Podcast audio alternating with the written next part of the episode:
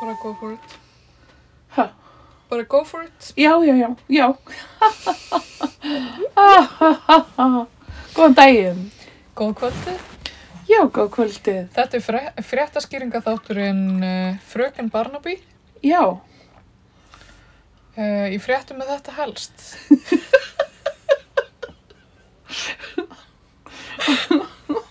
Finnst þér ekki að það fyndi þegar fólk heldur að þátturinn okkar heiti Fröken jú, Barnaby? mér finnst það líka. Finnst það bara taka allt gusto úr nafninu. Það er Og líka fröken. þegar fólk segir já og er þið mjög mikið að fjalla um leynilöglu þætti. Já. Segir ekki alltaf, jú, einmitt, Jú. engungu. Ég gerum það. Mér finnst nefnilega ekki að fundi að það eru margir vinir mínu sem bera fyrir sig að þeir skul horfa ekkert svo mikið á Barnaby þannig að þeir vita ekki um hvað máli Já. snýst. Og Ég bara, við erum literally aldrei að tala um Barnaby. Ah, Já, heyrðu, byrju, já. Ég er Lóa og ég móa og við erum frú Barnaby. Í. Í. Og við erum rétt að vona að hljóðið sé betra en nokkru sinni fyrr. Já, mér sýnist það. Not sponsored, en við erum að taka upp á nýjan síma. Oh my god. Ekki segja típuna. Við viljum ekki gefa Nei. auglýsingar. Nei. En þið þarna úti kapitalistar, ef þið viljið fóðlýsingar. Við erum alveg til í að selja sálega. Meira. Ég er lengur búin að því. Við erum bara, við erum bara að býða eftir tækifærin til þess að gera það í raun og veru. Sálinn mín er komin á útsölu.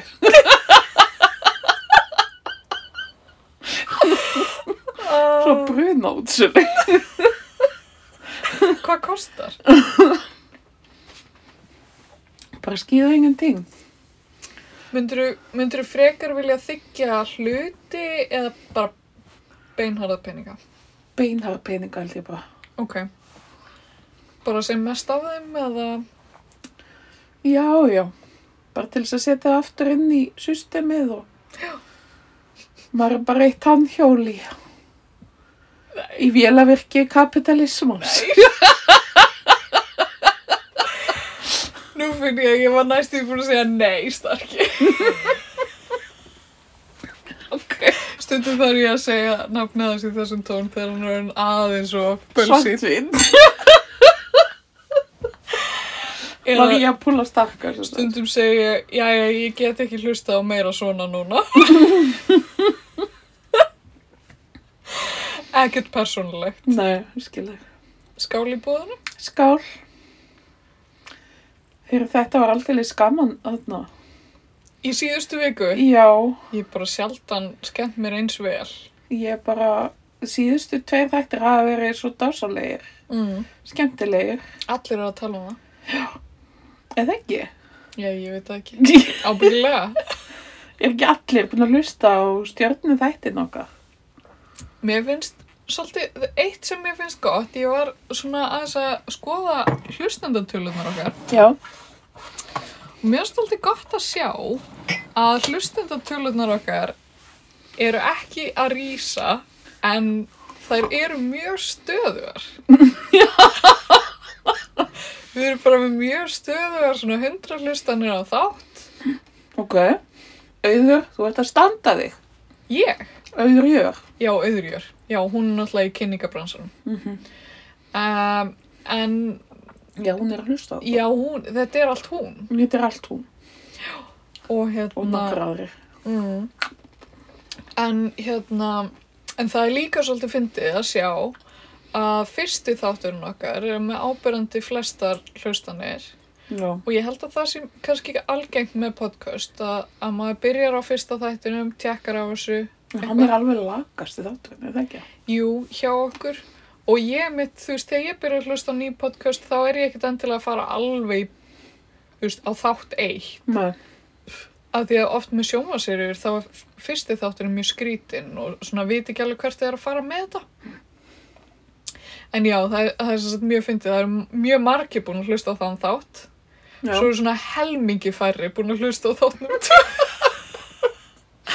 og ég held ef þetta það gæti verið svolítið típunar sem eru halda að við séum að tala um Barnaby já, komast að því að við erum ekki að tala um Barnaby já. og hægt að Ég er hlusta samt að tala helling um Barnaby í fyrsta þætti, er það ekki? mm, Ekki það ég muni það.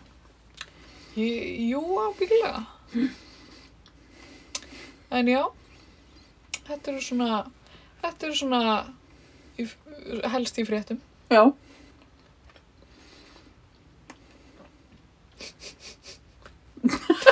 Ég held að það ætlaði að segja eitthvað Ég er gafið að spila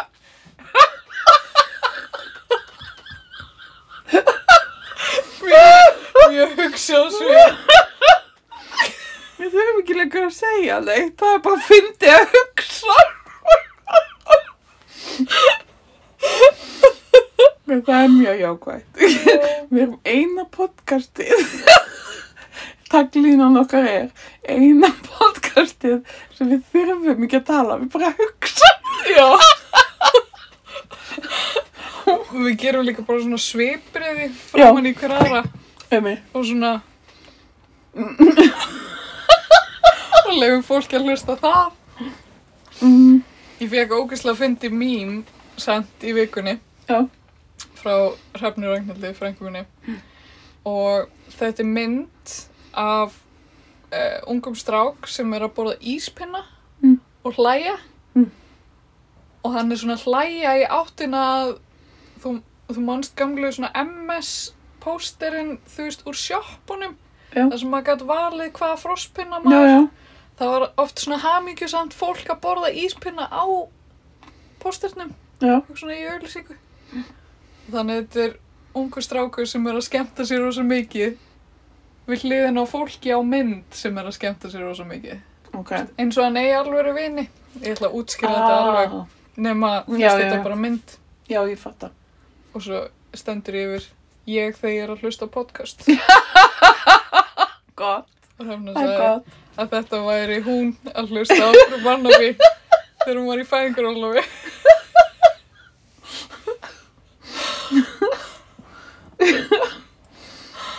en já, þetta var geggjaðu þáttur síðasti. Sjúklafyndin. Vá hvað hún er fyndin manneskja. Já, ég er um að hugsa, getum við fundið upp afsökun til að bjóða hann aftur? Já, ég veit það. Ég varst að hugsa Já. líka. Af því að þú veist, þetta er svo, hún er á svo greinilega margar sögur hann inni. Já, Og ég mér sé glemt að segja nokkara svona starkara sögur af mér já. og henni, sko. Þú getur alveg sagt nokkra núna. Já, ok, sko. Það er svolítið fyndið að Lóa eins og var ég vinna í franska sendiráðinu og sendiherran var alkoholisti. Já, já. kemur svo sem ekki ávart en hann hérna drakk svolítið vel Mm. hann kom kannski svolítið á mótnana og var frekar fúll svo tók hann sér, svo var mjög langt hátíðislega og ég var alltaf eitthvað hanganir í bæ í klukkutíma því að þú veist það var bara hátíðislega sko í Já. vinnunni Já, og hérna hann tók alveg vel yfir klukkutíma Ó. kom alveg rosalega hress Já. úr hátíðisliðinu og hérna og bara var, þú veist, leka á alls otti ok. nema hann var búinn að reka eða alla Mm. aðra starfsmenn en mig Já, þarna, þú veist, hann var búinn að reka blaðfylltrúan hann var búinn að reka eitthvað rítara og ég var sérst rítari í menningadeildinni já, og hérna og ég, það var búið að lofa mér hérna, vinnu út sumarið og eitthvað svona mm. nema allt í einu er kallað á mig og bara sagt að það var þannig að einhver tíman þá hefði ég svarað símanum og sagt að menningafulltrúum var ekki við já. og sett, hann trilltist Mm. hérna sendi hann Já. og svo var hann ekki að spá neitt í því nema við vorum, það var endalsi koktelar Mm. þú veist það var alltaf ástæða til þess að drekka koktel Ok. um miðan dag og ein, einhver sinni þá var verið að skála fyrir einhverju í Mhm. freyðinni Mm. eða kampaðinni og hérna og hann held í öll glösin nema mitt Ah. þá fært að ég bara ok, ég er örugglega næst Guð. og næsta dag þetta er bara svo í skáldsöð þá Já. var mér sagt að samninginu mínum yrði ekki, var, yrði ekki endin í þar já, og ég varð rosalega reið já, ég bara ég vissi ekki að ég ætti þetta inni fekk svona alveg bara svona svona réttláta reiði svona, já, þú veist mhm, þegar maður er einhvern veginn að springa á þannig mhm, og bara heimtaði fund og, og lati í dag og ég fekk alla þessa fundi með allum já, þannig sama dag og, og það, þú veist og það eina sem þau gætu sagt var þetta ég hefði sagt að hann var ekki við Mm. það var eina aðfinnslan já, og hann var ekki við sem sagt, menningar fulltrúin ok, og þetta var aðfinnslan og þeir hérna og ég bara ok þið ætli það bara að reyka mig út af því og hérna þannig ég segi ég fer ekki hérðan út fyrir en ég fæ launi mín mhm. fæ uppsagnarfresti minn og ég fæ meðmálabref Góð! Vá! ég bara, ég veist ekki að ég ætti þetta til en ég fekk þetta allt saman Ok, fekk mér þessi meðmálabref úr höndum sendi herrans sem þóttist þér ægilega bljúur hana uh, ég, Og ég bara, já, já, ekkert mál, bara, ok, svona er þetta. Nýma, ég fór, þetta er annar tungutinni, þannig ég fór eitthvað beint nýr bæ eftir þetta. mm. Veit nú ekki af hverju ég fór nýr bæ. fórstu að drekja sorgum þínum? Líka, þess að var, það búið að reka mig og ég var með eitthvað meðmálabref sem ég hef aldrei notað, by the way. og franska sendi hárun herranum og launin mín og fyrsta mannska sem ég hitti er Lóa. Ah, og ég fer að segja henni að ég hef verið reikin og ég, já sorry, við vorum að ræða þetta á svona professional notum, við vorum að ákveða að við ætlum ekki að hósta í tækið.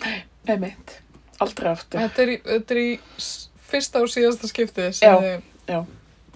Allavega, en þú hittir Lóu. ég hitti Lóu nýrbæ, ég man mér að segja að nú hotninu hjá apotek, ég held að það eru þar Já, og ég man ekki og ég var bara eitthvað að segja henni, já það var verið að reka mig og eitthvað já.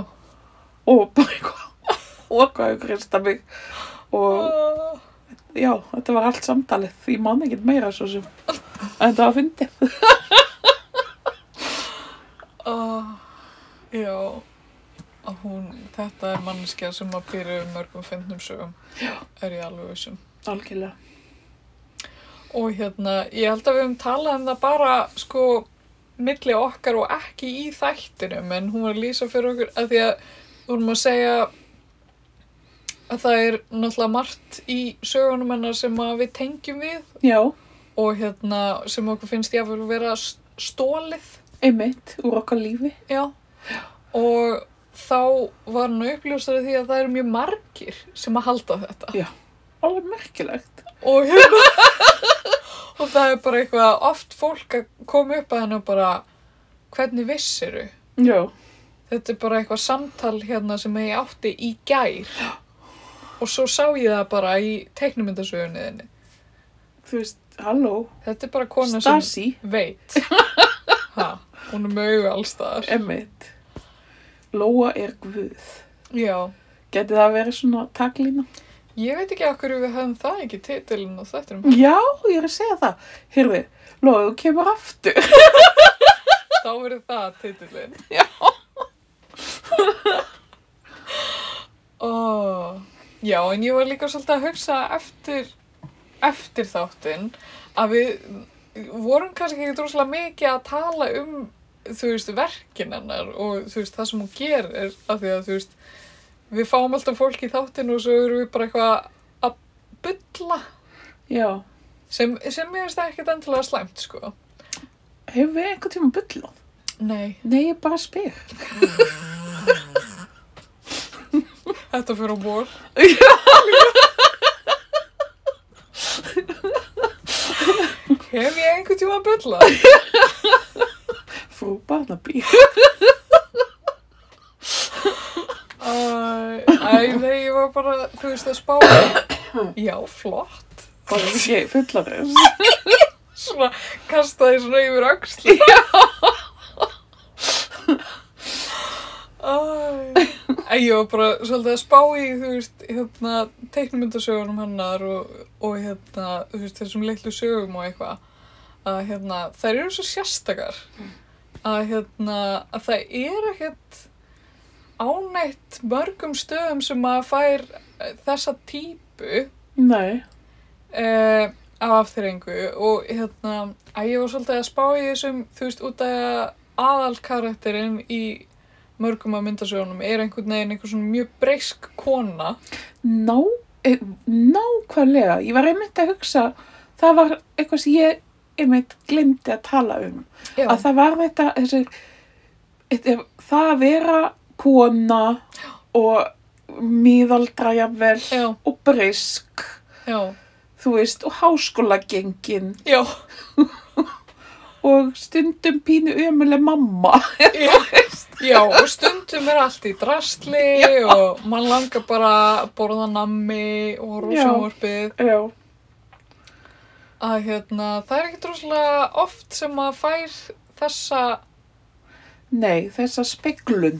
Já, og þetta bæði einhvern veginn svona gerir grína því auðvitað, og það er ógslag gaman og maður er eitthvað, oh my god, ég tengi svo við þetta Já, en svo líka hjálpar þetta manni líka að horfast í augu við þessa hlið á Einmitt. sjálfur sér já. af því að, Án þess að vera of dómharður. já og Einmitt. það, mér finnst það svolítið fallegt að þú veist, það, þú veist það er svo skrítið að maður fær aldrei hana, eh, þessa típu af mannesku í þú veist sjónvarpinu eða kvikmyndum Nei, eða einmitt. mjög sjaldan og þú veist konur eru einhvern veginn eða svona hvern karakterar er ekki þessi Nei, það er þessi fullkomna kona, það er Mm. þessi kona þar sem er, allt er rosalega reynd heima hjá henni og, já, og, og svo er hún rosalega mjó og Já. sæt, já, velmáluð, fínt hár og segir alltaf réttu hlutina. svona viðegandi Já, svona, já, mjög viðirandi manneskjur. já, fer ekki mikið yfir strikið þú veist, Veit ekki einhverju hvað streik eru. er ekki óksla löt líka Nei, Þú veist, það er óslega fyndið, það er einhver svona karakterandi hjá Lói er ofta einhver svona drepast úr leti, mér veist, ég veit ekki okkur að þú sækir svo á mig þessi hérna karakter, hún, hérna, hún er svona á nærböksunum upp í sófa og hérna, og, og er bara eitthvað að borða nammi og það er allt í drastli og s- kveikt á sjónvarpinu Jú, og svo jú. er maður fyrir aftan og og hún segir eitthvað, hverju bjóstu við, þú fannst mig á bar. og mér finnst þetta að þetta vera eitthvað svo já, dásamlegt. ó, Þetta er bara eitthvað, þú vissir að ég væri svona. já, Það er ekki eins og, þú veist, það er ekki eins og neitt hafi breyst í millitíðinni. Nei. þú veist, eitthvað. Æ, ég veit það ekki, þú veist. Já, einmitt, það, mér finnst eiginlega bara að Lóa ætti að fá fólk á orðinu. Já, eða Nobelsvelun. Já, Nobelsörlun. Já. Fyrir nákvæmlega þetta. Já. Til þess að, já, þe- fyrir þetta fallega faðmlag á henni breysku konu. Já, Já. fyrir að faðma okkur í leiðinni. Og eins og þið vitið, þá er frú Barnaby mikil talskona breyskra kvenna. Uh -huh. Þannig að við, eh, kannski við útbúum bara sérstakvelun handa henni, af því við, Já, við getum nú kannski ekki fært henni Nobelsvölun. nei, Beinlínis. Nobelin. Eða Lóbelin. Ml- Mlóbelin. Nobelsvölun. Þetta eru alveg... Ekki það, mó, mó, nei, Nobelin. Það er alltaf alveg glatað. Oh my god, þetta er svo glata apparat. Já, eftir allt þetta þessari uppljóstranir, þá er bara, er þetta komið nýr í svo langt nýr í svaðið. Þú veist, Já. er þetta eitthvað hægt að reysa þetta upp úr svaðinu? Ég veit það ekki. Ég veit það ekki. Nei. Ég var að lesa einhverja grein um þetta þar Oh sem my þetta var God. bara eitthvað svona Þe- Þetta var svo sick. Og bara, ég las þarna bókina klubburinn, las þarna. Nei, Guð minn almáttugur. Þessi maður, þessi franski maður já, sem var líka sjúkur mm, og nöðgaði konum, mm, ungum konum. Mm. Bara og þú veist, var algjör svona valda, e, þetta er bara fullkomi ógeð, mm allt þetta. Og Bara þú veist, konan hans einhvern veginn bara, kóa með þessu. Já, og, og svo vinir hans voru að kóa með þessu Já. og allir einhvern veginn spilu bara þennan leik. Finnst þér ekki eins og maður sé alltaf að, uh, þú veist, komast það í betur og betur að það eru bara einhverju síkobata sem ráðu öllu. Já, jú, gr- algjörlega. Stundum fær maður þessa tilfinningu, maður er bara eitthvað, ah, akkur er allt svona, alltaf. Já, og eins og þetta að Nóbelin, ég verð að segja það, mjög lengi vel hefur þetta verið bara svona, Já, bara svona vá, Já. Nóbelsarlegin. Þú veist, svíjar er svo með allt á hreinu svona hlutlösi. og þeir eru svo, þú veist, þetta er, það er svo hreint allt saman og Þetta er svo pró, Já, og svo bara, já, svo er þetta bara ekkert betra, heldur en nei, hvað annað. já, Svona með það. En lópallin verður allt öðru já, blóbellin. Lóa, þú ert vona og góði. Það verður sérmónia, Mm, um, snittur já, kannski. Mhm. um, en þetta verður ekki haldið fyrir í desember svo að Lóa getur fengið köku líka. já, já, já, og nammi. Og nammi. Fullt af nammi. Og malta upp sér. Já, já, já, já. Oh my god, við erum sem sett byrjað að hlusta á jólalögin. Ég kefti jólaserju um helgina. Þetta er allt að gerast. Ég er búin að horfa á eina jólamynd. Í alvöru? Alveg Hvíla? arfa slaka. Hvað var? Sem sagt Netflix. Holiday? Nei, vá, ég er búin að horfa á hana svo oft. Ég geti bara, ég geti þulað hana núna. Ok. Nei, nei, nei. Við, Holiday er góð á Vel. þeim vettvangi. við ættum að horfa á Holiday og tala um hana í einum af jólað. Ég er að tala um hljóðið, þú mátt að leggja hóst á mig.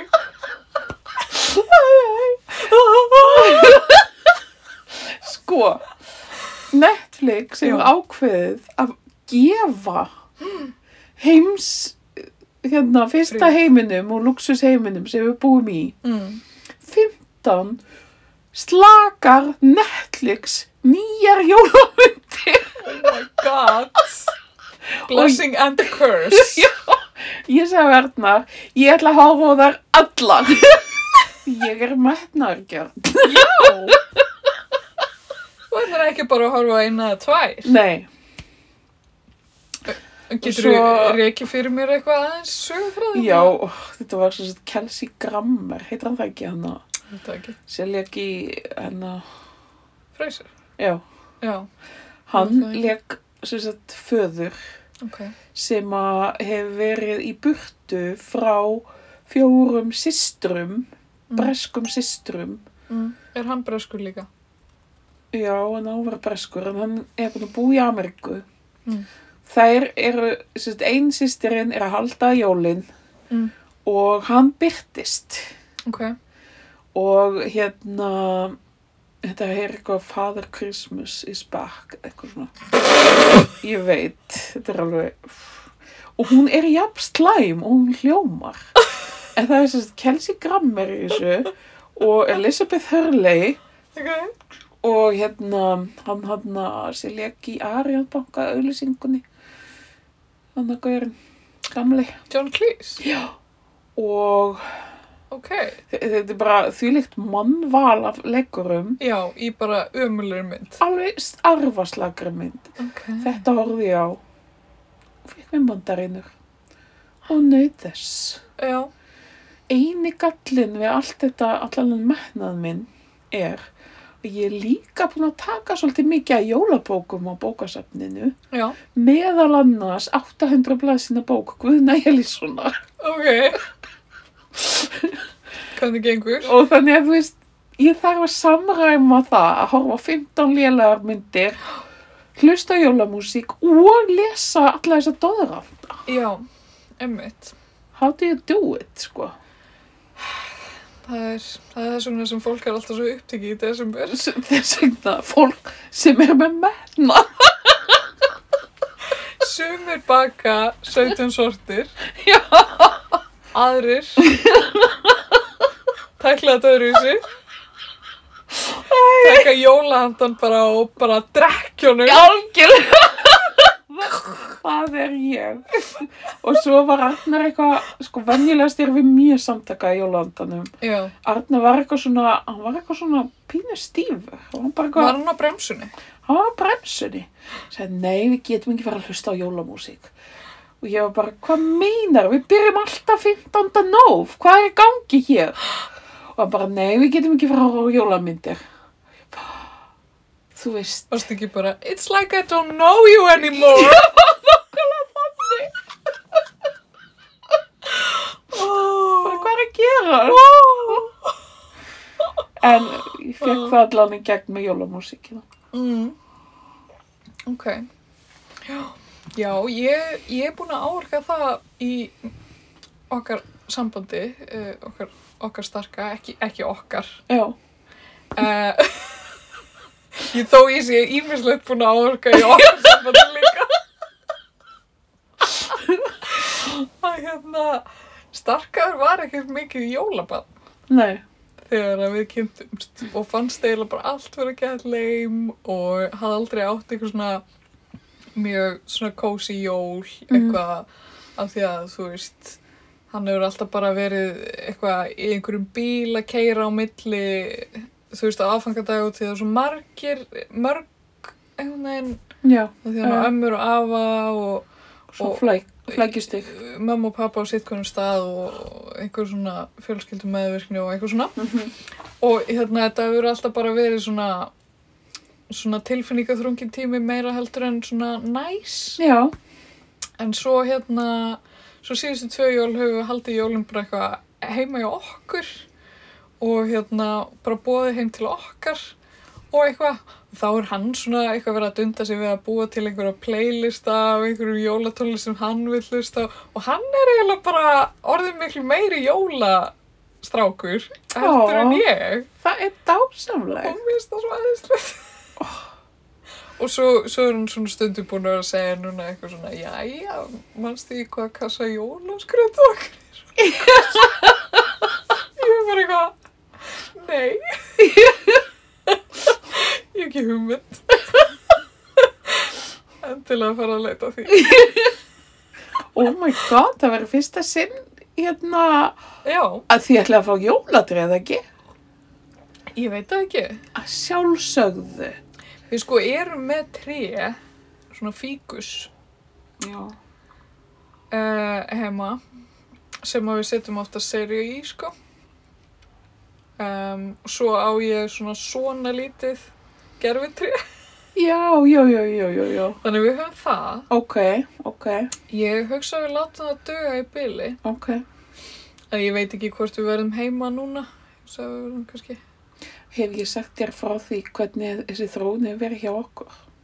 ég veit það ekki Ég sem sagt, við hann fórum til Skotlands. já, og hérna s- sem er nú kannski ekki frásöðu færandi þannig séð en Mm. ég er samt alltaf að tala um það en hérna einhvern veginn kemur Skotland oft fyrir sögur já, en hérna sem sagt fyrstu jólin þá fengum við eitthvað jólatré hjá tvíburunum eins og við köllum þá ó, það ok, voru sem sagt tvíburar sem ráku kjörbúð já, í götunni hann rétt hjá Harrison hérna, place sem mm. við byggum og það jólatrið var svo slæmt að á Þorlóksmessu þá bretti Ríksson úr sér já, og annan í jólum þá fórum við að keftu nýja riksu og endum á því að henda jólatrénu út nögt. Já. Ok, og svo sem sagt jól nummer tvö í Skotlandi þá var ég viðkynja með pínu heimþrá Já. og ég var ein að vesla jólatréð Ok. og ég fór á, á stað í Edinborg sem heitir The Holy Corner Ok. sem er sem sagt heiti það vegna þess að það eru þrjár kirkjur einhvern veginn á s- sama hotni Ok. og hérna og sem var í rétt hjá körfun okkar og, og ég er eitthvað að skoða jólatrí og ég bara að, sem sagt, með eh, svona heimþró, við vorum búin að flytja á Harrison Place, ég var á Harrison Road sem var miklu minni íbúð og sko pínu lítil Já. og hérna og ég var bara eitthvað "Oh." og ég ákvað að taka svolítið stórt jólatrí Já. til að bæta upp fyrir heimþróna Ok. og ég fatta ekki að jólatri var basically hálstofan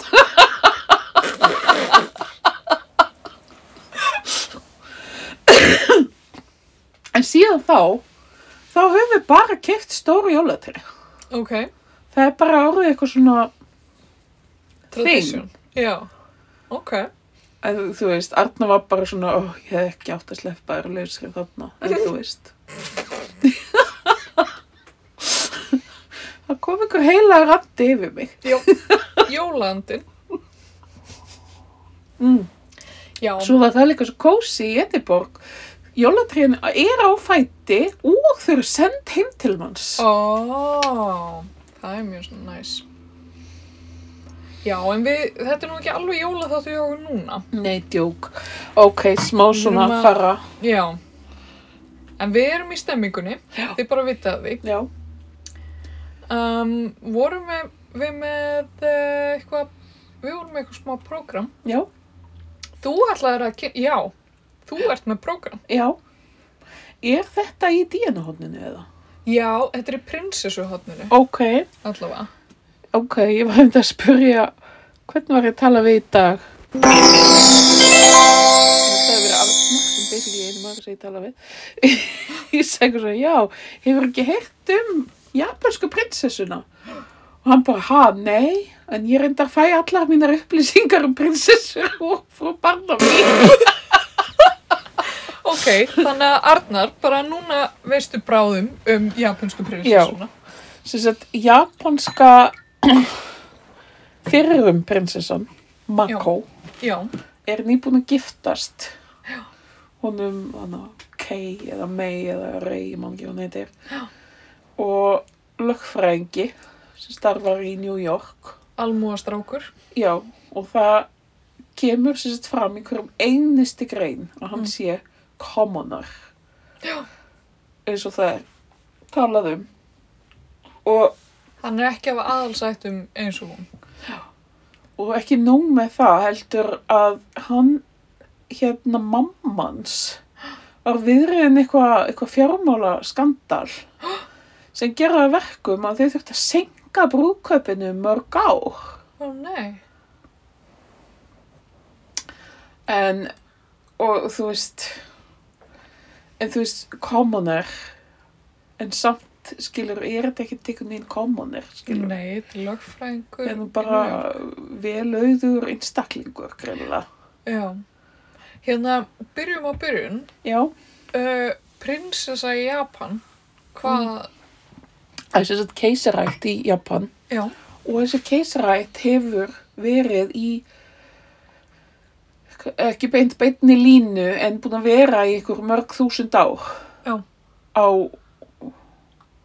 segjum ár á Við völd. já, eða, já, Eða svona. á, já, þetta er keisari sem sagt, Já. ekki kongur og drottning heldur keisari og, kong- og keisari innja Ok. og nema hvað að það hafa verið keisarinjur en núna eru lög Já. í Japan um að erfingin þurfi það þurfi að vera kallkins keisari Í alvöru. Já. þetta finnst mér alveg átakalegt Vá. það, jafnvel þó að einhvern tíman áður hafi verið keisarinjur Vá. fyrir mörgum öldum síðan þannig að þetta er svolítið svona stórt skref aftur á bakk. Já, Í, bara hopp, langstökk já, aftur á bakk. í svona þessum málum. Ok, en hefur keisarin eða keisarinjan einhver völd? Mm, Og er þá keisarin núverandi eitthvað afi þessara stelpu eða pappi þessara stelpu? Eða? Sko, hann Veitum er við það? afinn. Ok, Held ég alveg örgla. Já, ég er ekki alveg nú. en hérna, hérna, já, ég las nefnilega grein ekkert tíman um þetta, um, um þetta að það yrði að vera kallkins og svo sett yngsta sískinni hennar Mhm. er strákur. já, En það sem er slæmt er að, já, með völd, nei, ég heldur að hafa engin völd, basically, þetta sé bara svona show off, já, bara eins og breska, sko. já, Nú til dags, já, en ekki í gamla dagan. nei, en hérna, en það eru svona rosalega séramónjur, Já, þú veist, með hvað er mega og hvað er mega ekki. ah, Og það er sem sagt talað um að Makko sé, sem sagt, hún sé bara svo Harry. Já. Þau séu Harry og Meghan frá Japan. ok, En það sem mér finnst kannski svona öðruvísi við þau er einhvern, já ég veit ekki, mér finnst eins- hún basically er ekki að fara að fá neitt út úr því að, að fara eftir reglum. nei, Nei, hún, hún fara ekki að giftast þeim sem hún vill, fara ekki í völd, já, fara ekki, já, Þannig að ég skil alveg að hún vilji bara, en það er rosalega mikið gert úr þessu hann úti. já, Eins og hún sé bara, ég veit ekki hvað. Og sérst litla sýstir hennar heitir Kakó. ó, Og hérna, hún er keisara prinsessa. uh, Og hérna, mér finnst það svolítið fyndi vegna þess að dóttir, ég ætla að fara að segja dóttir okkar. já, dóttir okkar, Og Karolína, hún var mjög lengi vel köllu Kakólína, sko. ó, Hún takk svo mikið Kakó. æ, það er mjög krúllett. Við hefum ekki kallað hana kakó. Jú, stundu kallum við þar ís og kakó. Æ, En já, það er mjög krúllett. allavega hana. Það er hérna makkó og kakó. Það, ég fyrir þetta að teki eftir þessu svolítið að hjá, hérna, ég þekki japanska stelpu og, og hérna, sýstir hennar hétti mitt nafni sem var bara nánast eins og hennar. Já. Sem ég man ekki akkurat í byli, en þú veist, Mhm. svo rýmaði. Þetta er skemmtilegt. Já, emmitt. Já, ég, ég þekkti svolítið í Japan, japansku fólki út í Malawi. Það var svolítið mikið í Japanum þar. Og hérna, sko, fyrsta vinkona mín líka úti hétt Megumi Mm. og hún var japansk. Og hérna, við náðum svo vel saman út af að við kunnum svona svipa lítið í ennsku. Já, Þannig við gætum bara svona svo vinka hvar annar. Já, og vorum svona eh, eh, svipa, eh, svipaðar svona á svipum stað í goggunuröðinni hvað það var það, það fólk var mjög ofta eitthvað svona að gera grína manni fyrir að vita ekkert hvað var í gangi og Já. maður vissi náttúrulega ekki hvað var í gangi og því að maður bara skildi ekki tungumáli einmitt. þannig við vorum alltaf tvær líka í hérna enskukjenslu saman sko en hún hétt Megumi og eldri sýstirinnar hétt Nozomi Mm, svo það er svona svolítið smá. keimlugt, sko. Og hérna, en málið með Japana, þú- við þekktum líka fleiri japansk börn. Um, en málið er að sko, hérna, skólakerfið í Japan er svo svakalegt. Alveg hrikalegt. Bara eitthvað fasismi í Já. gangi þar.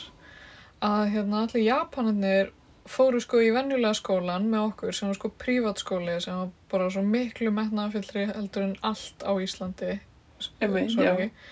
og hérna og við bara vorum að læra markföldun og eitthvað brot og eitthvað þegar við vorum þú veist í öðrum bekk eða eitthvað líka við og bara allir kunni svo miklu betur að synda heldur en ég, ég man bara eftir svo mörgu sem var- ég var bara eitthvað, ég var búin að vera bara eitthvað best Já, á Íslandi, svo kom ég í þennan skóla og ég var bara verst í öllu, ég var Æi.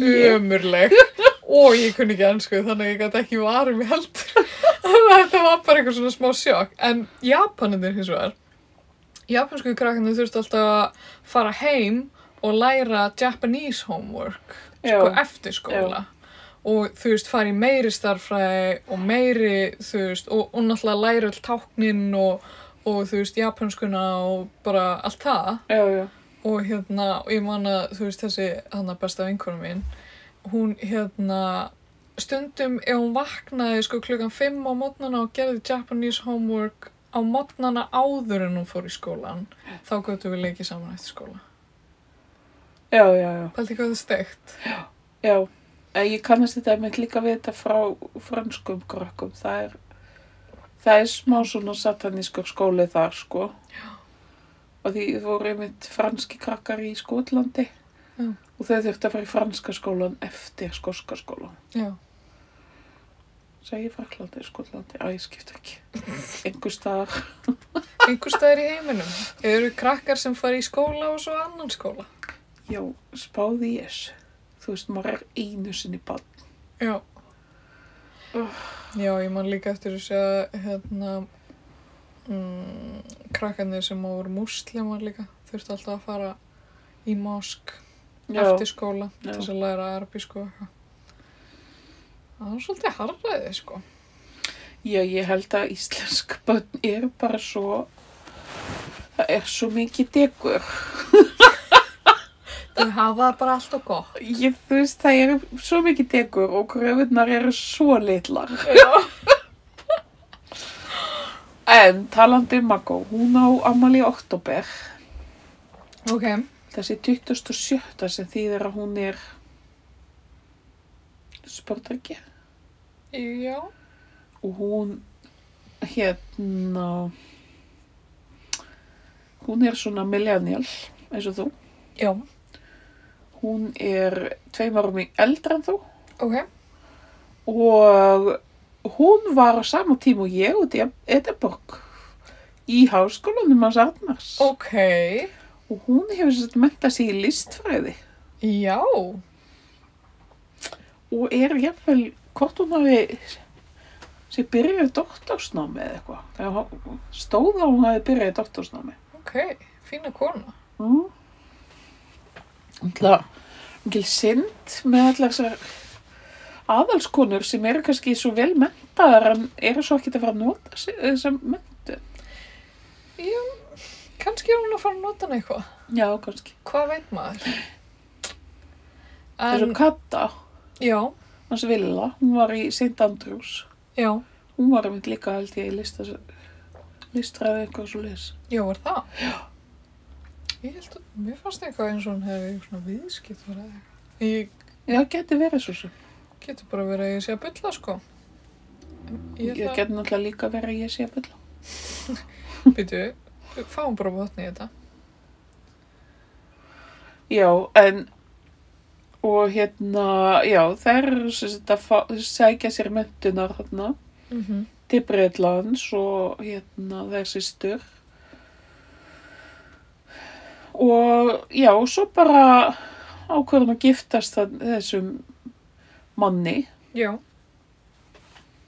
Og það er samt, þú veist, í rauninni ekkert nextli í kringum það, finnst mér. Nei, þetta er rétt hjá þér, history of art. Já. Ok, Og, steg fyrir mói. Nobelsvelun. fyrir þig. júhú. En já, hvað segirðu?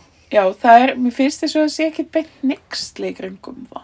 Heldur meira bara svona fjölmiðlafár, Já. þú veist. Mm Bara, já, hún er að fara að flytja til New York. Bara, hún er manneski á holdi blóði og vill gera eitthvað. Og vill ráða hverjum hún giftist. Já.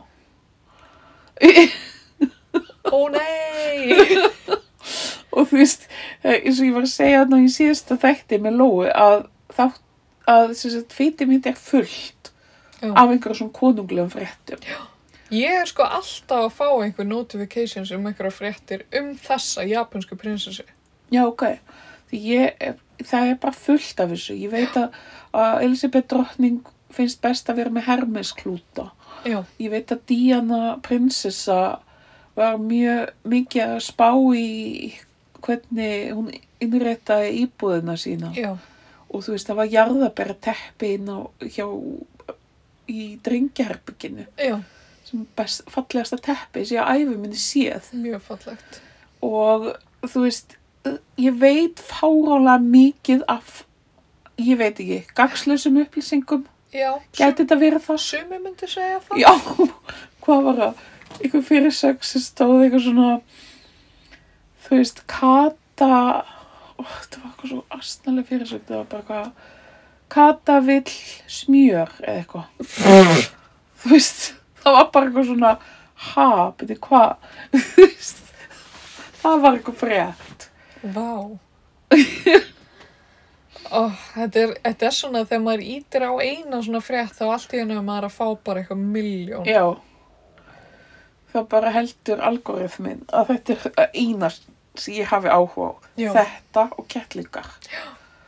Þú veist, auðvitað er þetta vissuleiti rétt Að mörg, mjög mörguliti.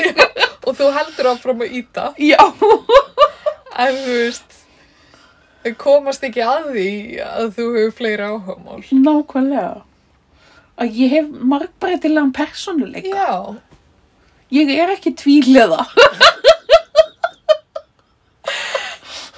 Vá, ég elska samt þessa mynd sem að internetu þetta er að mála af þér, bara eitthvað svona kísukona sem er bara eitthvað með, með hérna, uh, breska keisara dæmið Já, á heilanum, Já, algjörlega. alveg magna. En já, En þau giftust ég giftist núna loksins. í bara svona mjög íbyrðar lítilli aðtöp, Já. svo ég, Já. bara svona at the courthouse eitthvað. um mitt og hún er farin til New York Mm. og það var bara bein útsending frá því á fítinu mínu. Vá.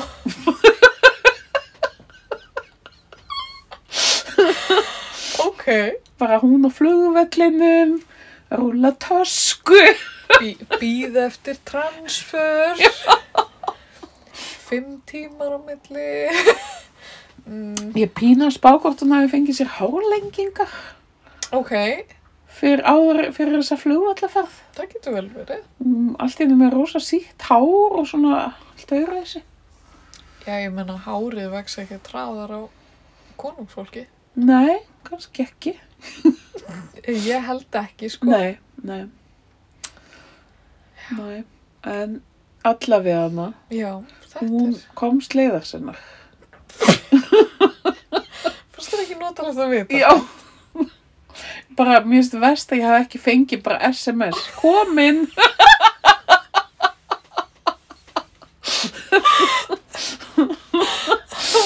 I'm ok. Gott veður!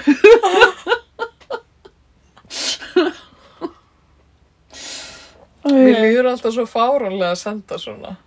Já, en gerðu það ekki samt. Jú, ég reyna að muna eftir því, sko. Já. Þú veist, setja eitthvað inn á fjölskylduspjallið. Já. Eins og ef við erum að kæra norður og eitthvað, þá gefum við um update hvar við erum og svona. Já, einmitt. En mér finnst samt eins og þetta séu mjög innantómar upplýsingar. Nei, þetta er mjög mikilvægt. Við erum Ég- yeah. að Akureyri. Já, einmitt. Mikilvægt, mikilvægur upplýsingar. Er, finnst þér, myndi þér finnast notalegt að fá svona? Fullkomlega. Það er eina sem ég hugsa um er hvar er barnið mitt núna? Er hún með húu? Líkt sett er nú þegar, það er ekki með húur. Nei. en getur ekki neitt eftir þess að vera á húur? Uh, nei, Óhefilegt. þetta er hlut af því að vera af þessu þjóðurni.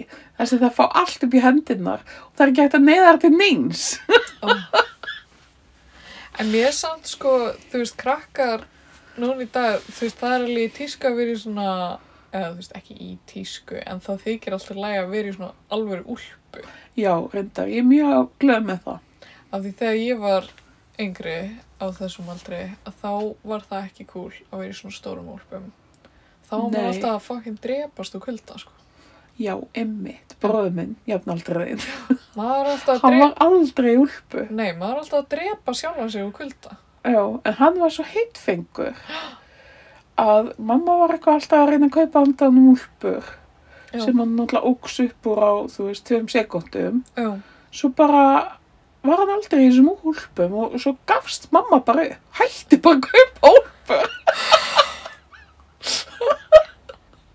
og hann var bara, hann er ennþá lifandi í dag, Já, en var hann með húu. já, stundum. Nei, ég aldrei. Mjög heitfengur. Oh. Mm. Já, Já, en ég, svo sem ég veit ekki hvað ég get sagt meira um Maggo og Kakko þeirra fjölskyldu. nei, kannski við séum bara, En, þi- en líka af því frettinnar er alltaf svo yfirborðskendar. já, Þú veist, það er bara svona, já, hún er á leiðin út í flugvöld og hún er að flytja til New York og hún er að labba að ferða með ferðartöskuna. og svo er hún bara að gera það sem hún sagðist alltaf að gera, ok, Oh my god, og hún var að gifta sig og já, svo er ekkert meira. nei, emmitt, Og en það sem ég hef verið svolítið að spá, núna er dóttir mín mjög mikið að horfa á hana Kardashian já, liðið. já, Og ég er alveg búin að sjá það, þessi, það að vera frægur já, nú til dags.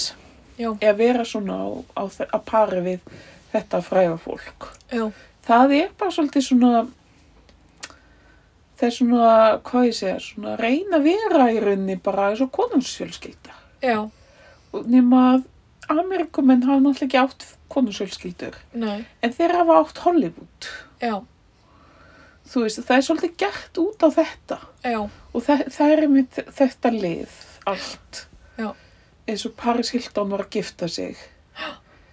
Þryggja daga brúðkaup eða eitthvað. Já. Hún var í x mörgum kjólum. Já. Og þú veist, það er, þú veist, allir fréttafélagar fullir af þessum fréttum af þessu fólki. já, Fyrir, þú veist, fyrir hvað er þetta fólk frægt? Fyrir að vera frægt. og hvað er það að gera þú veist, og þetta er nákvæmlega sömu upplýsingar sem að færa um þetta fólk Já. og Paris Hilton, hún gifti sig ástinni sinni ég las grein um það í dag hún gifti sig ástinni sinni, búndur það voru einu upplýsingar sem var hægt að ná úr þeirri frétt svo kom næsta frétt um það hún var í sex kjólum á í þryggja daga brúðkaupi wow, og hún gifti sig ástinni sinni veistu, ég lendi í smá, ég fjall fyrir svona klikk, klikkbeitt, Já. eða þannig um daginn sem var einhver grein á DFF eða rúf eða einhverju sem að var Jóhanna Guðrún Já. hún er eitthvað skildi tók saman við einhvern mann og er núna ólétt Já. og nema greinin fjallaði um það að hún var hún var átitt með þetta allt í gegnum fjölmiðla Já, það, já, það var reyndar það sem fjölmiðlar tilkynntu óléttuna óléttina. Mér sko- Því ég stendur bara, ég svo- skil ekki hvernig gátt, eða þú veist, hvernig vissu þeir það einu sinni. Ég veit það ekki. Ég næðis ekki. það var einhver kjáftan Já, Þú og veist, svo einhver- bara, en þú veist, hvernig tekum maður þessa ákvörðun? Þú veist, við búum í pínu litlu samfélagi. Mm. Ég ætla að fara að segja öllum að þessi manneskja sé ólétt. Mér finnst þetta svo ógeðslega ljótt. úkslega dónalegt og já, algjörlega á okkur um svona siðferðslegu svörtu svæði. bara algjörlega Þú veist, ok, þú veist, við erum ekki í Hollywood einhvern veginn. Nei. Það, við, þú veist, þessi bladamaður, ef hann fer í Íslandingabók, þá er hann örgulega skildur Jóhann Guðrúnu í sjöndalið, skilur við. algjörlega Já, og svo fannst mér sko, þú veist, greinin sem að ég las um málið var eitthvað hérna, byggð á einhverju viðtali sem að hún fór í, í hérna, útvarpinu og svo segir hún eitthvað í lokin Já, mér fannst þetta svolítið leðilegt, þú veist, ég fekk ekki að segja fólki fyrst frá því að ég var í komi kærasta og ég fekk ekki að, að hérna, að ákveða hvenar ég myndi segja fólki að ég veri ólétt og hún var eitthvað, já, mér finnst það ekki skemmtilegt og svo segir hún eitthvað svona meðverknisbrandar í endan bara eitthvað, haha, en ég næmi nú þessu hún var eitthvað, já, auðvitað, en þú veist samt þetta er bara, þetta er bara glata hvernig svo hún lítur á þetta Já, algjörlega. bara algjörlega greipi fyrir hendunar á henni og ég bara Mér finnst bara svo skrítið, þú veist, er ekki hægt að kæra fyrir það? ég hefði haldið það staklega svona mjög persónulega Ekki það ég myndi nenn á því, en þú veist samt. Nei, og þú veist, það er svo sem ekkert að fá upp úr því Nei, nei. þannig séð, en Þetta er svona fullkomlega siðlaust, finnst mér. já, algjörð síðleysi. Já. Jóhanna Guðrún, við erum með þér í liði, Já, bara, sorry, að svona sé allt. ekki allir fjölmiðlar eru svona. Nei, Til dæmis ekki frú Barnaby. jafnvel þó að við myndum vita það, þá myndum við ekki kæfta. Nei, enga veginn.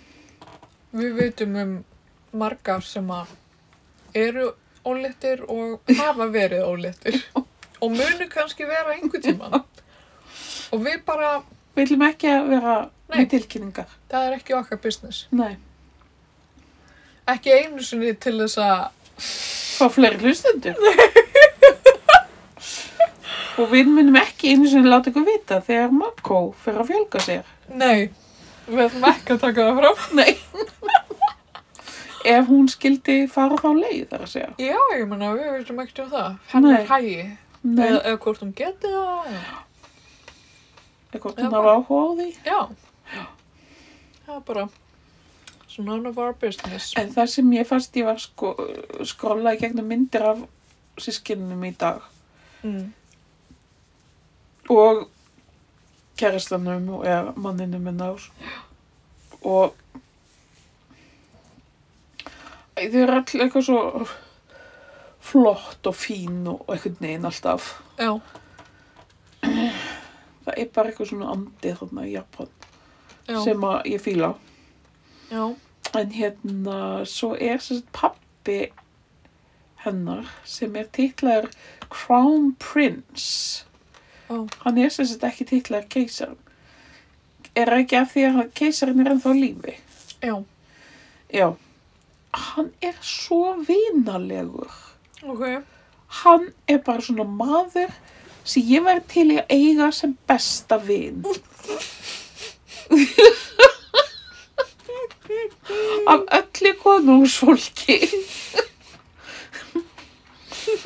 Hann hann er bara sjúklega vinalegur náungi. Heitir eitthvað fúhú eitthvað. hérna er hann. Mako. Hérna. Fumihito, Já, Prince Akashito. það er ekki vin nóg. Já, hann er grótlegur. Já, býtu, svo er sko, er sko eld, já, oh my god, finnst þér þetta ekki sætur? Æ, hann er ótrúlega grútlegur. Æ, æ, æ. Já, ég kann bara mjög reglulega vel við hann fúhú mímímító, Fumihito. fúmíhító.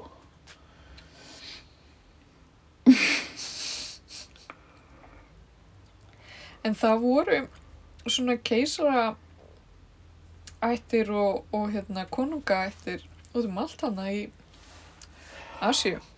Já, Mikið lagst af. Ég er að lesa hana að borða búta já, núna. er það eftir hann að barbaru, já, eitthvað, já, barburu. hana ameríska konu. Já, einhverja annað um típesku konungsfjölskylduna, langum mm. að segja. Já, aðalega um hann eina prinsessu, típeska Nú. prinsessu. Hún er svona protagonisti, eða hún var eiginlega ein, eina sem komst lífs af í gegnum hérna, kommunista. já, ok. hérna hérna menningarbyltinguna Mhm. í Kína það er svolítið mögnuð saga Tíbets Já, ég hefði svona maður er svona vita af henni en kannski ekki vitað neitt mikið meira nei, einmitt. en hérna já, bara mælum með þessari bók Já, Mm, skemmtileg ég hún hefði, komið mitt hérna á bókmyndahátíð, hver? þessi höfundu. já, ok, Hérna núna í haust. þá ég veist það ekki og líka hún hann að tíma manda Já, hún kom líka já, einmitt. og svo hefur hún líka komið hún hérna Sjálu Gó sem að sem að angustúra hafa líka hérna gefið út bækur eftir Já, þessi kínverska. já, Já, ég hef lesið hana líka. vá ég er svo ástfangina af hennar Já, ég var að lesa núna nýlega bók bók sem að er svolítið skemmtileg. hvaða? Hérna, eitthvað love, eitthvað. já, hann að kýmversk-íslensk orðabók fyrir Nei, elskendur það er nýrri. ah, ok, En hún er mjög góð. hún er mjög góð Las líka hana fyrri sem var hana meira svona æfisaga. já, hann að einu sinni í austri Já, á íslensku. sko. Og svo e, e, fyrir ekki svo lengu þá gaf hún út bók sem hétt eitthvað Dear friend, já, I, I write to you from my life to your life eða eitthvað. Mm. Af því að hún hefur Býtu. held ég hef nú ekki lesið hana. Hana ekki. Hérst ég heyrið, heyrið þú ég það? Nei, nei.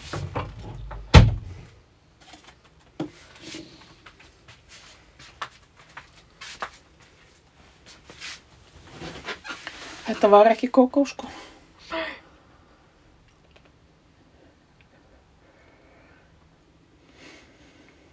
Mm, kannski er ég að rugga. Já, ég vissi ekki að þessi kynneska hefði komið líka. Já, það er svolítið síðan. Um.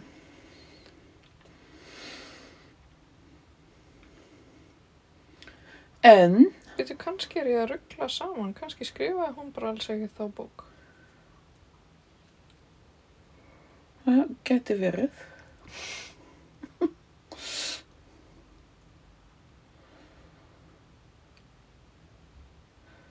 Já.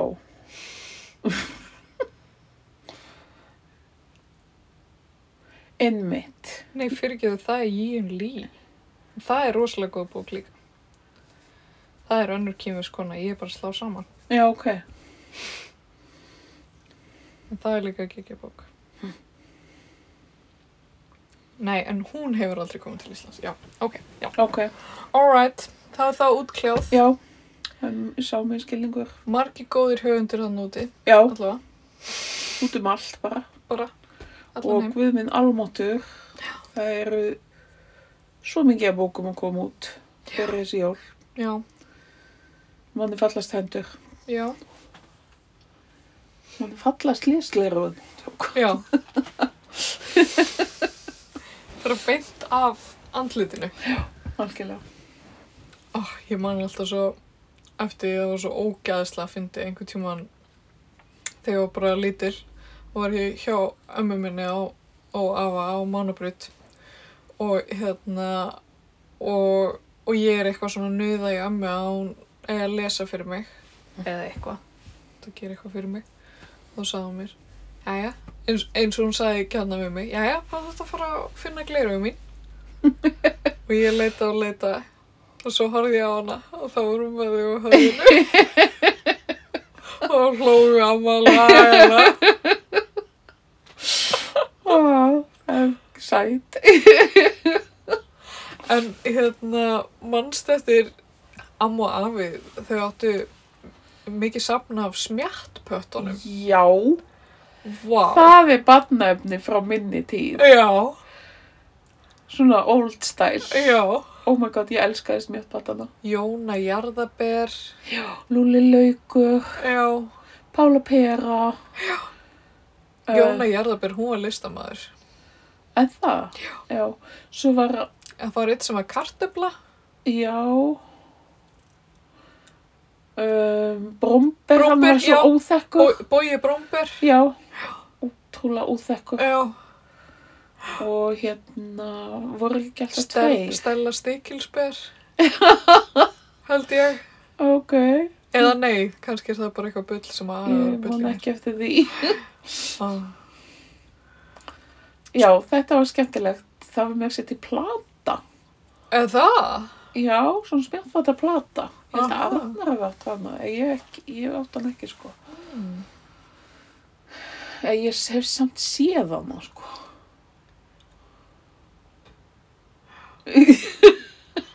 Nú er ég að reyna að muna. Sko út af því að út frá smjáttpötuna þá voru ég að segja ég og afi afi minn ekki sem að er dáinn við sömdum sko saman nýjan smjáttpata Já, og það var sko jólatri ó, það, það var karakterinn okkar og hún hétt eitthvað svona Ó, Ah, ég man ekki hvað hún hétt en það var eitthvað svona jó, jóla jólatri Mm. allavega það, en ég gerði teikningarna sko og hérna afi skráði söguna ekki gaman. Og þetta fannst einhvern tímann bara stuttu eftir hann dó og við vorum eitthvað Ó. alveg mikið að hlæja að þessu. Þetta var svo úkslega.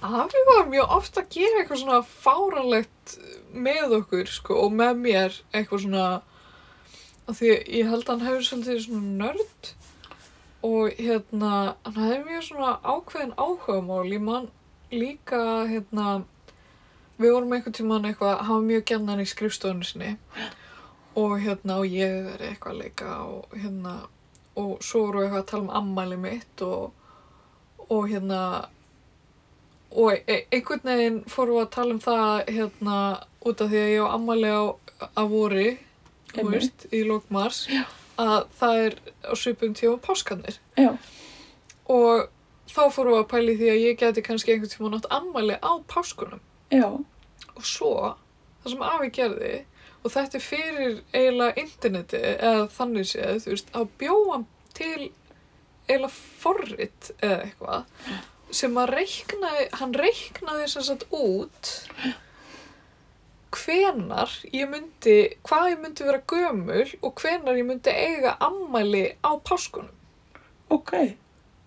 Og fyrsta skipti var þegar ég var 12 ára og svo mun það gerast aftur ykkur. Ok. Og hann bara var eitthvað að dunda sig við þetta. og mér fannst þetta geðveikt kúl. Þú veist, ég var eiginlega bara eitthvað svona fjögur ára. Og hérna, og svo það er ekki fyrir svona, ég er orðin fullorinn að ég er bara eitthvað svona, vá, en fyndin hlutur til að gera. Já, þess að finnst það bara mjög grótlegt. Já, já. ég er ekki hvort það, en Nei. bara ókslega fyndi áhuga svið, sko. Já. En hann hefur getur, hvað heitir þetta? forrita Já, eitthvað svona, já. já. Örglega eitthvað smá, sko. Og hann átti oft eitthvað svona tölvuleiki og eitthvað svona, Þannig ef hann væri núna, að, þá væri hann svona, kannski hakkari eða eitthvað. já eða þú veist, byggi í San Francisco og væri búin að búi til app. eða Já, eitthvað. ég, kannski.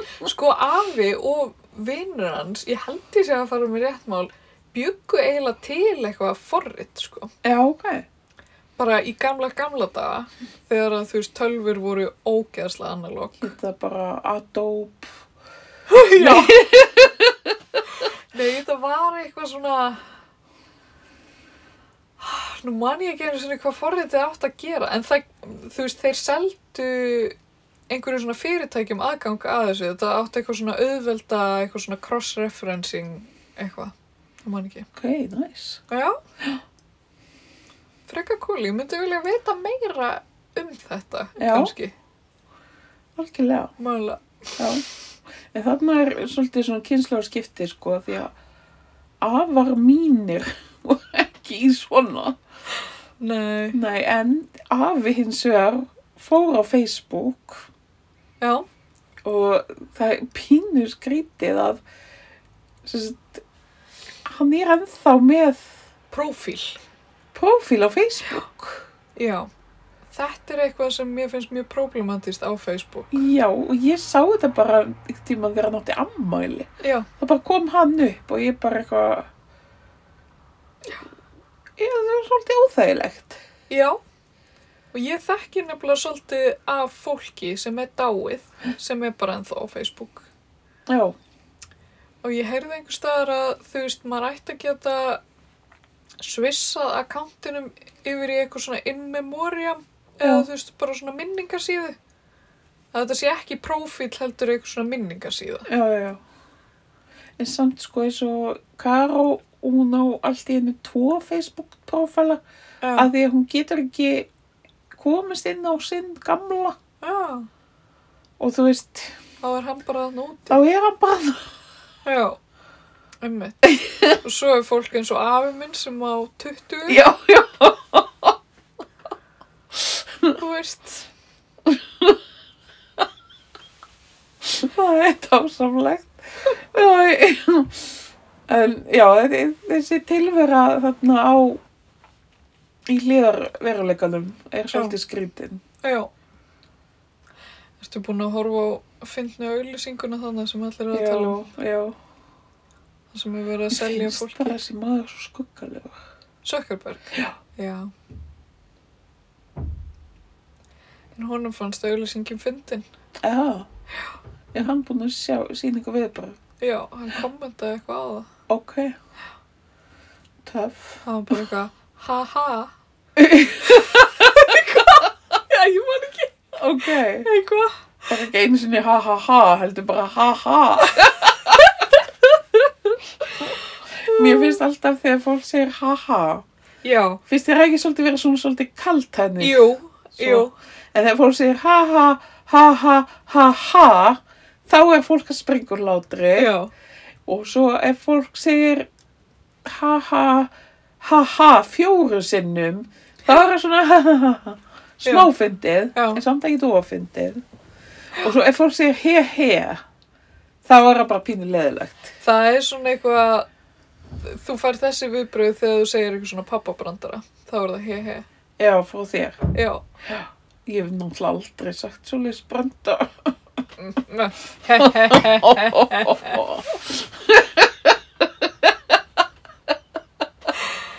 Ein- ein- Þú veist, er þið á ég kenna hlátur jónkar æfingar endilega. ok Ok.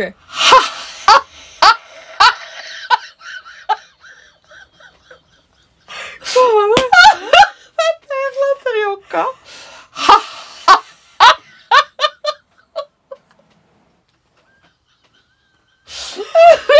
Kanntu fleiri? Já, veitu. Það er hérna, Hvað með ef þú hlærið þessu ljón? Er það ekki eitt? jú, jú, það er eitthvað svona ráhóhó. En svo er hérna einn sem að ungir alltaf hérna kennara minn, sundkennara minn, það er, ég fyrst gera hann eitthvað svona hó hó hó hó hó hó hó og svo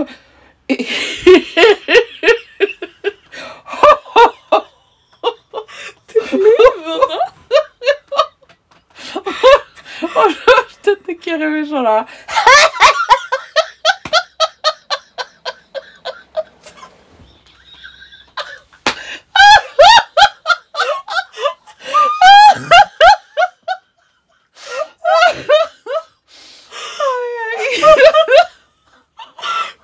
Mér leiðilega að fólk sjá ekki hvað þú er fyndin líka.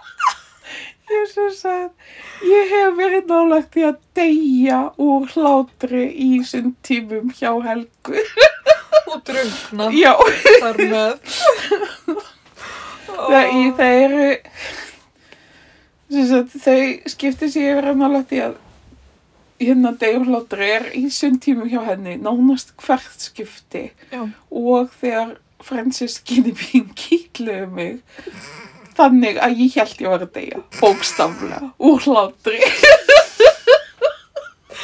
Ó, ég þóla ekki þegar fólk kýtla mig.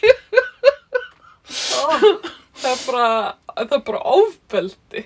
Já, það er það nefnilega. Það getur bara snarlega breyst í mjög mikið ofbeldi. Já, Bróður minn, heimsmyndstarinn, Já. Selindó, já. hann er mjög kýtlinn. Er fyndið að nýðast á hann. Ó já. Æ, æ, Ó, það er dásamlegt. sýstu mín var alltaf að kýtla mig. Ekki þú hana? Uh, nei, af því bara, þú, Þú- veist, Er bara svo almennileg. já. Og bara, ég vil að ef að Ástís hlustar á hennan þátt þá heyrum við það bara. Já, bara fyrirmynd að öllu leiti Já, og bara alltaf já, einhvern veginn fremst í, í top stafni. of things.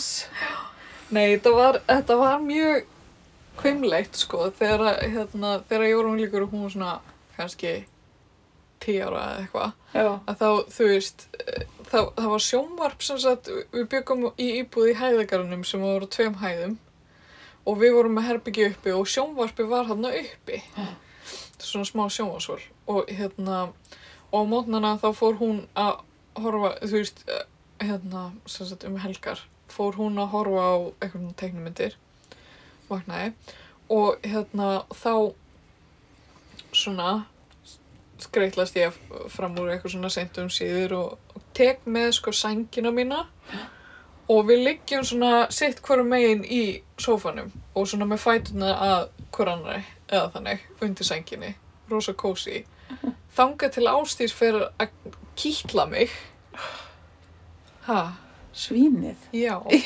íðilegja stundu var ég kannski líka bara smá sopp Já, eitthvað svona yfir teiknum við þar og þá fyrir Ástís að kýtla þeim með litlu barnahöndunum sínum skilur og hrikalegt já, já, það, en við liðum þetta af blessunulega, já, æskuna já, algjörlega. Emmitt. Dísa desember, Dísa desember. það var það sem spjallpættin okkar hétt Það er sjúklega krútlegt. oh. einmitt það var það sem hún hétt en bara ef ég myndi nú ævintýri líka, ég man ekki alveg hvað það var Nei. Nei, en við, við ætlum að vera með svakalega dagskrá já, í desember. já Í dísu desember. uh, eða þú veist, Já, við erum svona aðeins að plóta þetta. já, við þurfum að útfæra þetta. Takka einn sundfund. Já, við gerum það. Já. Svo er spurning hvort að, sko ef það er mikil eftirspurn eftir jólakveðanum aftur, þá kannski gerum við það, en Já, þú veist, við erum líka bara til í að pröfa nýja hluti. já, algjörlega. Um, já, er hérna, mér langar líka að þú farir á hann að Tófi Jansson myndina. Já, já, já, það er um fjallarreifurinn en búið að vera að plóta það núna lengi. Mæli, Mæli upptekinn. mæli rosalega með, sko, Já, það ekki. svakalega skemmt. Ég er mjög spennt fyrir henni. Og mér langar að þú munir, uh, þegar þú ferða á hana, og mér langar rosalega að búa í þessari íbúð. Já, heyrðu, vissir það að Jússi vinnu minn, Já, sem er sem sagt grafískur hannur, já, hann, mm, í fyrsta lagi farið í þessa íbúð já, og hitt Tófi Jansson nei, og tek, tók einhverja teikningar og var eitthvað að sendast með þær. nei, vá, Oh my god, binn, ég var að tala um það sko, það er svo rosalegt. vá, það er alveg magna. En já, mér langar að taka smá Tófi Jansson þátt, sko. Já, Kannski við gerum það um jólinn. Kannski Já. það myndi passa inn í jóladagskrá. algjörlega. Allavega. Það, það, Það, er er svona margt í eitt. vændum hjá frú Barnaby. Já, Svo kannski horfum við á The Holiday og tölum um hana. Já, Eða einhverja af þessum ljótu jólamyndum hana. já, heru, ég ætla að taka allar myndirnar og, og taka smá svona, getum aðeins rætt þær. Já, já. Þú eru að skrá hjá þér einhverja púnta, sko. Já, já, mér finnst, mér finnst svolítið svona þessi menningar kemi Netflix myndir.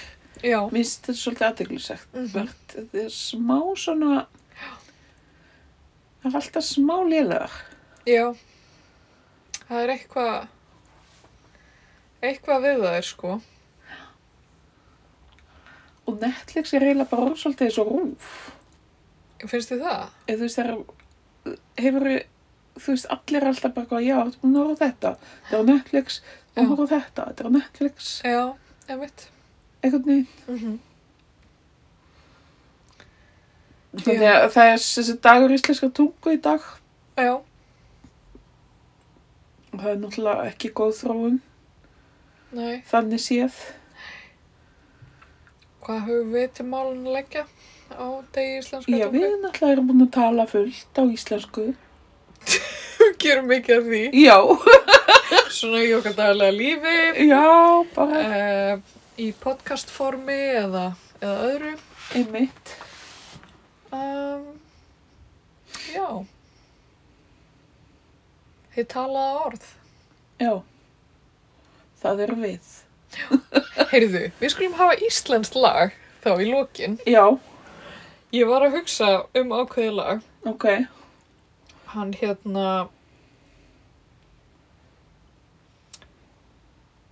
Hérna, hann eh, Starki, hann, hann var ekki bara ekki mikill aðdáðandi jólana, heldur, er hann ekki mikill aðdáðandi íslenska tónlistar? oh my god. svona, og, og það er mjög margt svona í íslenskri menningu sem maður vantar í uppeldið hans Já, og það er eins og fjölskylda mín brýst oft út í söng þegar einhver segir kannski einhverja setningu sem er svolítið eins og í einhverju lægi já, og svo fara allir að að syngja svona svona eins og segðu ekki nei segðu kannski, kannski, kannski. Já, já, eða eitthvað svona bull og hérna það eru svona á, ákveðið sem maður getur eiginlega ekki sagt án þess að fólk fara að söngla Syngja. ég finnst þetta bara mjög glaðleg fjölskyld. Við erum síkjaðið fjölskylda Oh my god, ég var sett að segja það sjöfum. Ok, hvað þú það? Ok, sem sagt, hérna, ég var á bóksafnu, kemur maður, Já, hann er að borga sekt já, og ég er eitthvað svona, já, þetta er nú síðan þarna og eitthvað svona, ég ætla ekki að segja- segja of mikið að upplýsingum ok, já, og er eitthvað svona pínulítið að stríðunum já, og svo segir hann að þú þurfa að láta breyta e-mailinu Já. og hérna, og ég er ekki manglögg, það má alveg koma við í sögunni já, og hérna og setur nýtt e-mail og það er jón at jón jónsson Oh my god, boah og ég er svona já, er það þú? Oh my god, boah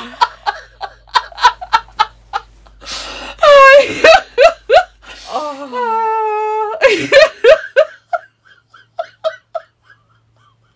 Þú hlýtur að þekka Jón Jónsson út með þig hann nota benni að var með grímu Ok, ok. Það er- það er afsakanleg. já, Oh, en, að þetta var þetta var einhvern veginn svo fyndin sen og hann kvöstasleika bókasamsins já. Og varst að rukka hann um sekt líka.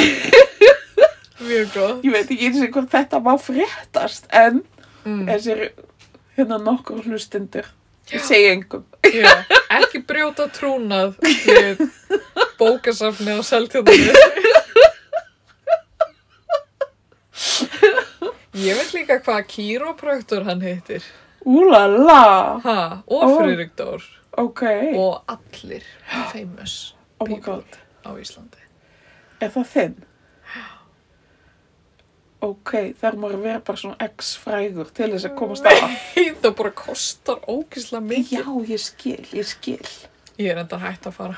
Já, bara, Kostar hún mikið. já, ég bara, ég er ekki búin með nóg mikið að lista eitthvað til að selja. Já, bara takið, getur við gerð svona skiptidíl eða þú veist eitthvað. Já, ok. Man hlýtur að geta meika gott manni að það vera kýrapraktor. Já, En það Örugglega. hlýtur að vera. já. Maður Þú veist, þeir gera það ekki gagn eða? Jú, jú. Ég hef ekki farið til svo leið, sko. Ef maður fer inn og er, þú veist, ég held að þeir hitti svona fjóra skjólstæðinga á klukkutíma. Ei, Vá, Ei, Eh, ég, svo var bú, mikið. ég var búin að reikna það út cirka allavega þrjá og ferðin ko- eh, salíbunan kostar eitthvað fimm húskall eða eitthvað Já, eða meira og ferðin, er þetta Já. ferð til, annara heima og er þetta rosalegt? já, Sér nýjar vittir. mm, nei en þetta er svolítið klikkað sko ef þú hefur aldrei farið þá mæli ég alveg með að pröfa á Já, þetta guð, ég, ég bara, ég verður sem þú segir, ég fór hérna til nuttara. Mm. Þetta átti að vera bara eitthvað svona spánutt eitthvað svona. Já. Og mamma átti ammæli og ég bauð henni, það er svo svolítið síðan sko. Já. Og nuttarinn bara, já, hérna, hvað má bjóða þér? Á, átti að vera, þú veist, svolítið, á að vera svolítið aflýsu eða bara svona miðal eða, þú veist. Já. Og ég bara, já, bara svona miðal, sagði ég. og fyrstu bara svona sænst nutt bara, Hérðu, ég held bókstaflega að hann ætlaði að drepa mig. hann bókstaflega kildi mig. Og, og ég var sem sagt með mingriðakast í viku eftir í þetta. alvöru Ég hef aldrei á æfinni verið með svona mi- hérna langt mingriðakast og þú veist, ég fæ alveg mingriðni mm. en sem betur fyrr síðan ég er 13 ekki svona já, ekki f- svona löngköst. En þarna var ég bara, hann bara landi mig eins og kjötstykki. Ég bara svarða. Þú veist, í kjötborðinu í hagkaup eða eitthvað. yeah. Og hérna, og svo kem ég í pottin og er ekkert bara svona, wow, þetta var rosalegt nutt. Og þá var mamma, hafði fengið akkurat öfugt. Það Já. fengið bara einhvern sem hafði bara svona rétt potað í hana já, og hún var náttúrulega alls ekki ánægð því hún vildi fá hins eginn já oh my god þannig að já, ég hef ekki farið bara ég held ég hafi ekki farið mynd eftir það Nei, en já, þú varst að koma með eitthvað gott lag er það Ég- með Jóni Jónssoni já, það var mjög... Það væri reynda þetta gott að vera með Jón Jónsson. hann er fárálega hess náungi Það verður fagnaður mikill vegna opnunar Flugrils Eins og við vitum þá er þetta stuðmenn. já, Vantaði bóð fyrir einn Ég feskat stundum á mér smá En þetta, sagan bak við þetta er að hérna, sem sagt, þe- þetta er önnur svona sigursaga auðar. Að hérna, að ég hérna, við vorum að bjóða í mat á föstudaginn. já Svo þegar allir voru farnir, gefðir mér þá erum við að taka saman nýjóstarki og vorum bara í á, ágættu stuði, búin að eh, drekka nokkuð vinglaus og eitthvað svona, við erum að Já. setja í uppþáttavélina. Þá setur starki á þetta lag já, og við bara því lítið að syngja með. og mér varst það svo gaman. Ó, ó. ó Hún er svo til að sama aldrei og ég Askoti huguleg og sveg manns Manst ekki ekki eftir mér lítur vel út, baby. Í frábær tál